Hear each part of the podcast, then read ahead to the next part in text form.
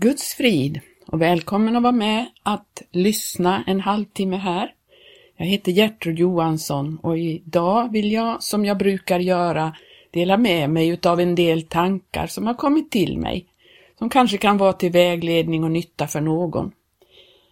När, eh, ja, vi har redan kommit in i, ja, nästan ett halvår in i det här året.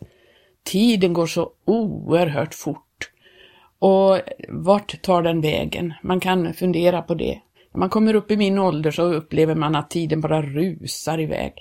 Och man skulle ju verkligen vilja använda sin tid på ett eh, vist och förståndigt sätt, för den, det är faktiskt nådatid som vi har fått. Medan vi lever här så lever vi här av en anledning, därför Gud har en plan och en mening med varje människas liv.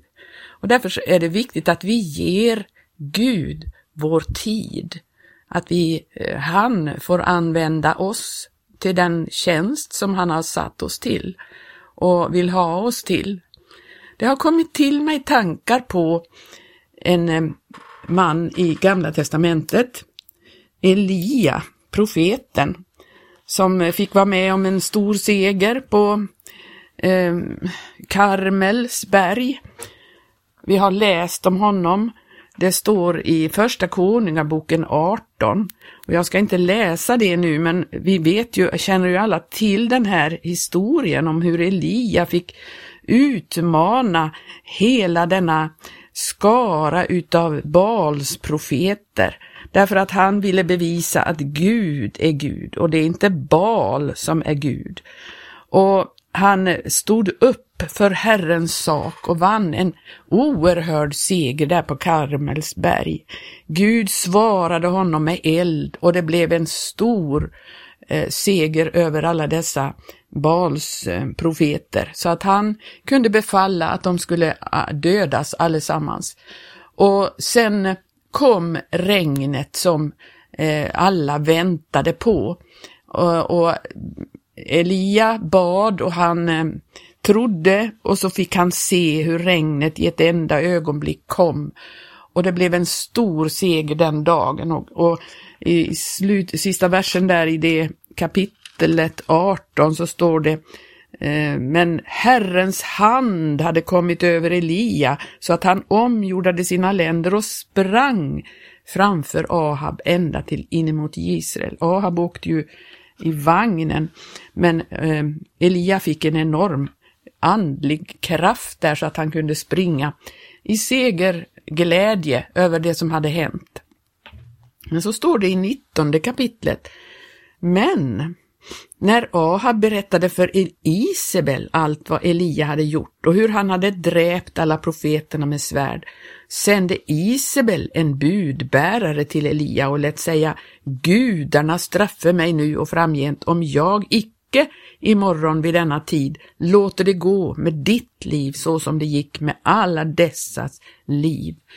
Det här motståndet, det hade inte dött ut. Nej, det fanns en stark eh, potentat eh, när det gällde balsdyrkan och det var Isabel. Och hon var väl den som, eh, ja kan man säga, hade makt över Ahab som var konungen till och med.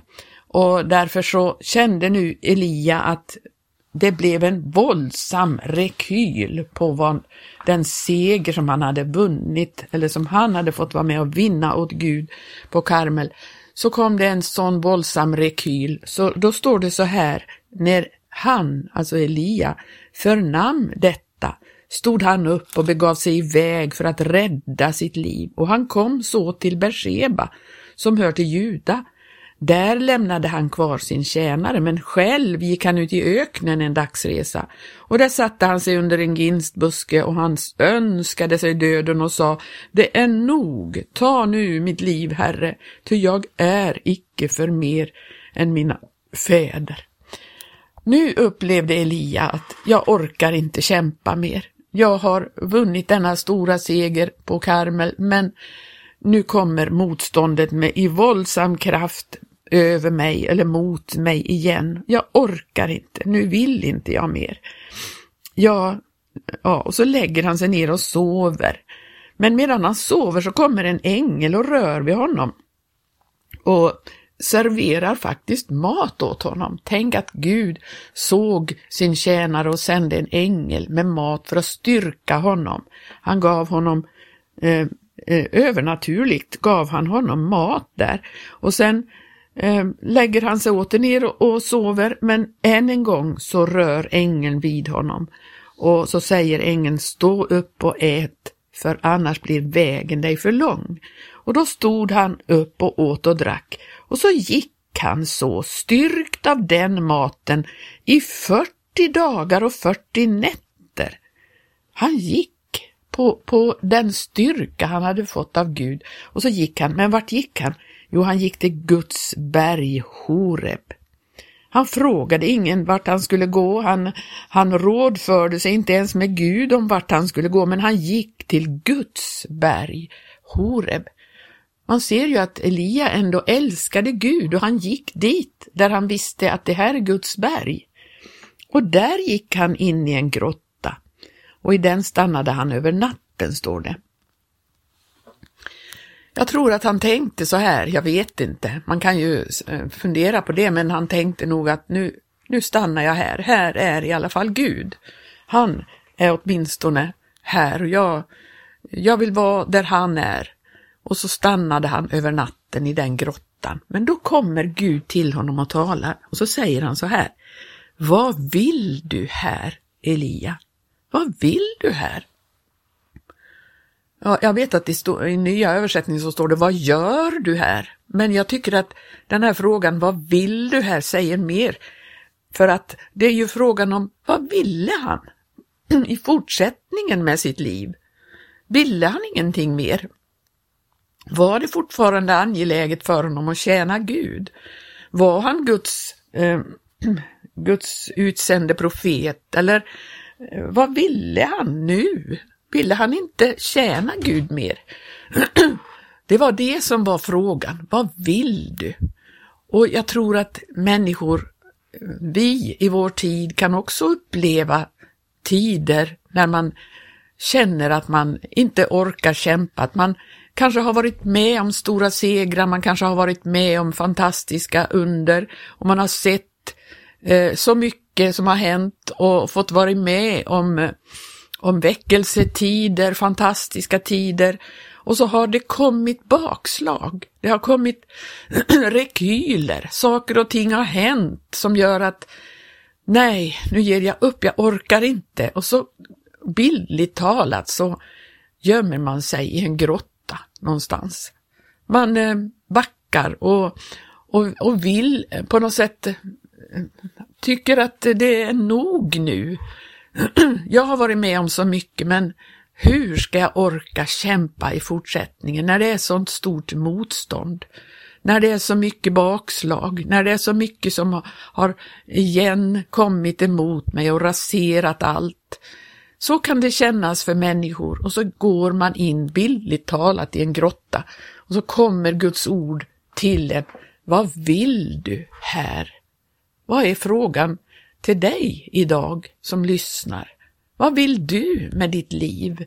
Har du backat in i någon grotta och tänker sitta där, i och för sig med gemenskap med Gud i bönen och ordet, men inte längre ute i tjänst? Är det så du vill ha det? Vad vill du här? Vad vill du här? och frågan kanske vi måste ställa oss Eh, finns det någonting mer för mig att göra? För vi ser här, eh, Gud talar ju till honom. Han, han säger, gå ut och ställ dig på berget. Och då gick det fram en stor stark storm, men Herren var inte i stormen. Sen kom en jordbävning, men Herren var inte i jordbävningen heller. Och sen kom eh, en eld, men Herren var inte i elden heller, dessa stora starka eh, händelser som kom, där var inte Herren. Men så kom det också en stilla susning. Och när han hörde den här susningen, då skylde han sitt ansikte och så kom där fick han möta Gud i den stilla susningen. Och då säger rösten till honom igen, vad vill du här? Vad har du eh, som du vill ytterligare i ditt liv? Och då berättar Elia allt som har hänt. Han berättar, han tycker han är berett, har berättigande att sitta där i sin grotta och gömma sig. Han tycker att han har skäl till att dra sig tillbaka nu. Och så försöker han berätta detta för Herren. Herren vet ju redan allt som har hänt. Han vet allt. Men så säger Herren till honom, gå nu tillbaka igen. Gå nu tillbaka igen. Här ska du inte sitta. Vill du tjäna mig? Älskar du mig? Har du fortfarande lämnat ditt liv i mina händer, säger, menar Gud till honom. Vad vill du här? Och vill du någonting, så gå tillbaka igen. Och så finns det mera ting som eh, Elia skulle göra. Han talar om för honom, det här och det här ska du göra. Och, och så säger han också till honom att jag har eh, 7000 män som eh, har blivit kvar, som inte har böjt sig för bal. Han trodde han var helt ensam kvar, men eh, han sa ju det till Gud, jag alena är kvar och de står efter, eh, efter mitt liv. Nej, säger Gud, det finns 7000 män som inte har böjt knä för bal. Du är inte ensam. och då, då eh, går naturligtvis Elia tillbaka och, och gör allt det här som Gud kallar honom till att göra. Du och jag kan också uppleva att det, det, finns inte mer att göra nu. Det är för hårt motstånd, det är för mycket som har raserats. Det är så mycket som eh, talar emot att det överhuvudtaget skulle kunna hända någonting mer. Men Gud känner till dem som bildligt talat inte har böjt knä för bal. Han känner till dem och han har uppgifter för var och en som vill tjäna Herren. För var och en som älskar Herren så finns det ting som vi kan göra. Och vi måste vara villiga till det. Vi måste bli så stilla inför honom att vi i den stilla, sakta susningen kan höra hans röst. Vi måste stilla oss inför Herren. Nu ska jag läsa eh, ett par salmer som jag tycker uttrycker så mycket. Eh, där det står om eh, i psalm 84 den frommes längtan till och glädje i Herren Sebaots gårdar. Det är ju många gånger det som vi har upplevt. Vi har upplevt så mycket glädje och vi har en längtan till Herrens gårdar. Så tycker vi att allt har raserats och det finns inte längre. Men då kan vi läsa den här salmen och se, det står så här, hur ljuvliga är icke dina boningar, Herre Sebaot. Min själ längtar och trängtar efter Herrens gårdar. Min själ och min kropp jublar mot levande Gud. Ty sparven har funnit ett hus och svalan ett bo åt sig där hon kan lägga sina ungar. Dina altaren, Herre Sebaot, min konung och min Gud. Saliga är de som bor i ditt hus. De lovar dig beständigt. Saliga är de människor som i dig har sin starkhet det vilkas håg står till dina vägar. När det vandrar genom Tåredalen gör det den rik på källor och höstregnet höljer den med välsignelser. Det går från kraft till kraft, så träda det fram inför Gud på Sion. Här ser vi att vi själva som har denna gemenskap med Herren Gud, vi kan själva göra Tåredalen rik på källor.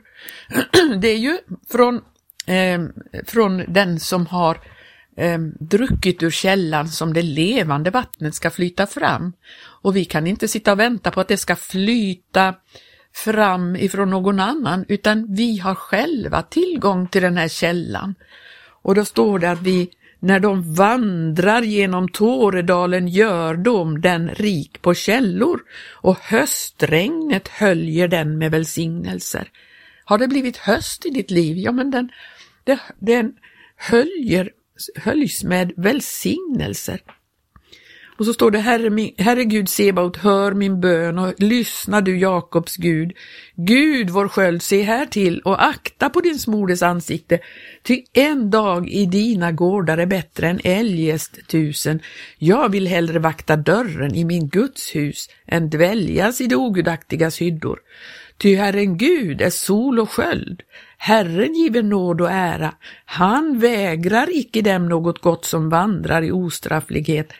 Herre Sebaot, salig är den människa som förtröstar på dig. Eh, det är saligt att vara i Herrens gårdar. Kanske Herrens gårdar för dig är bara i någon liten gemenskap med någon, en eller två människor som du kan ha bönegemenskap med. Jag vet inte hur din situation ser ut, men Herrens gårdar, det är där man prisar Herren, där man eh, eh högaktar honom och förtröstar på honom. Och så kan vi läsa i eh, psalm 85 också. Där står det så här, för sångmästaren av Koras söner en psalm. Herre, du var förr ditt land nådig. Du upprättade åter Jakobs hus. Du förlät ditt folks missgärning och du överskylde all dess synd, Sela. Du lät all din förgrymmelse fara och vände dig ifrån din vredesglöd. Så vänd dig nu åter till oss, du vår frälsningsgud, och upphör med din förtörnelse mot oss. Vill du då vredgas på oss evinnerligen och låta din vrede vara från släkte till släkte? Vill du inte återgiva oss liv så att ditt folk får glädjas i dig? Herre, låt oss se din nåd och giv oss din frälsning. Det här är en bön och ett hopp om förnyad nåd. Gud ger ju nåd till den som vänder sig till honom. Och här ber man nu därför att man har upplevt att eh, det har kommit eh, förtörnelse över eh, hans folk och så ber man om ny nåd och då står det i vers 9 Jag vill höra vad Gud, Herren, talar. Se, han talar frid till sitt folk och till sina fromma. Må de blott icke vända åter till dårskap. Ja, det är det som är det värsta, att människor kan vända åter till dårskap.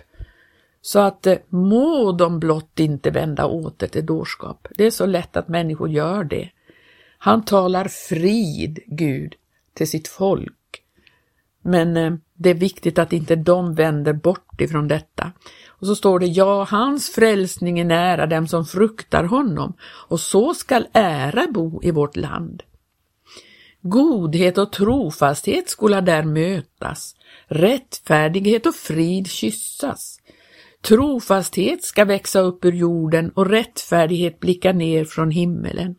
Herren ska ge oss vad gott är och vårt land ska ge sin gröda. Rättfärdighet ska gå framför honom, den skall och stadigt följa i hans spår. Vi måste ju ha hoppet till Herren. Vi måste ju ha det för att eh, som det stod i, i psalm 84 och vers 6, saliga är de människor som i dig har sin starkhet, de vilkas håg står till dina vägar. Vi har väl en håg som står till Herrens vägar. Då måste vi förtrösta på honom, för han har all makt. Han kan göra vad han vill.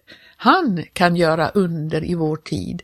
Han kan upprätta igen en plats där man prisar Herren, där man lyder honom, där man vandrar med honom.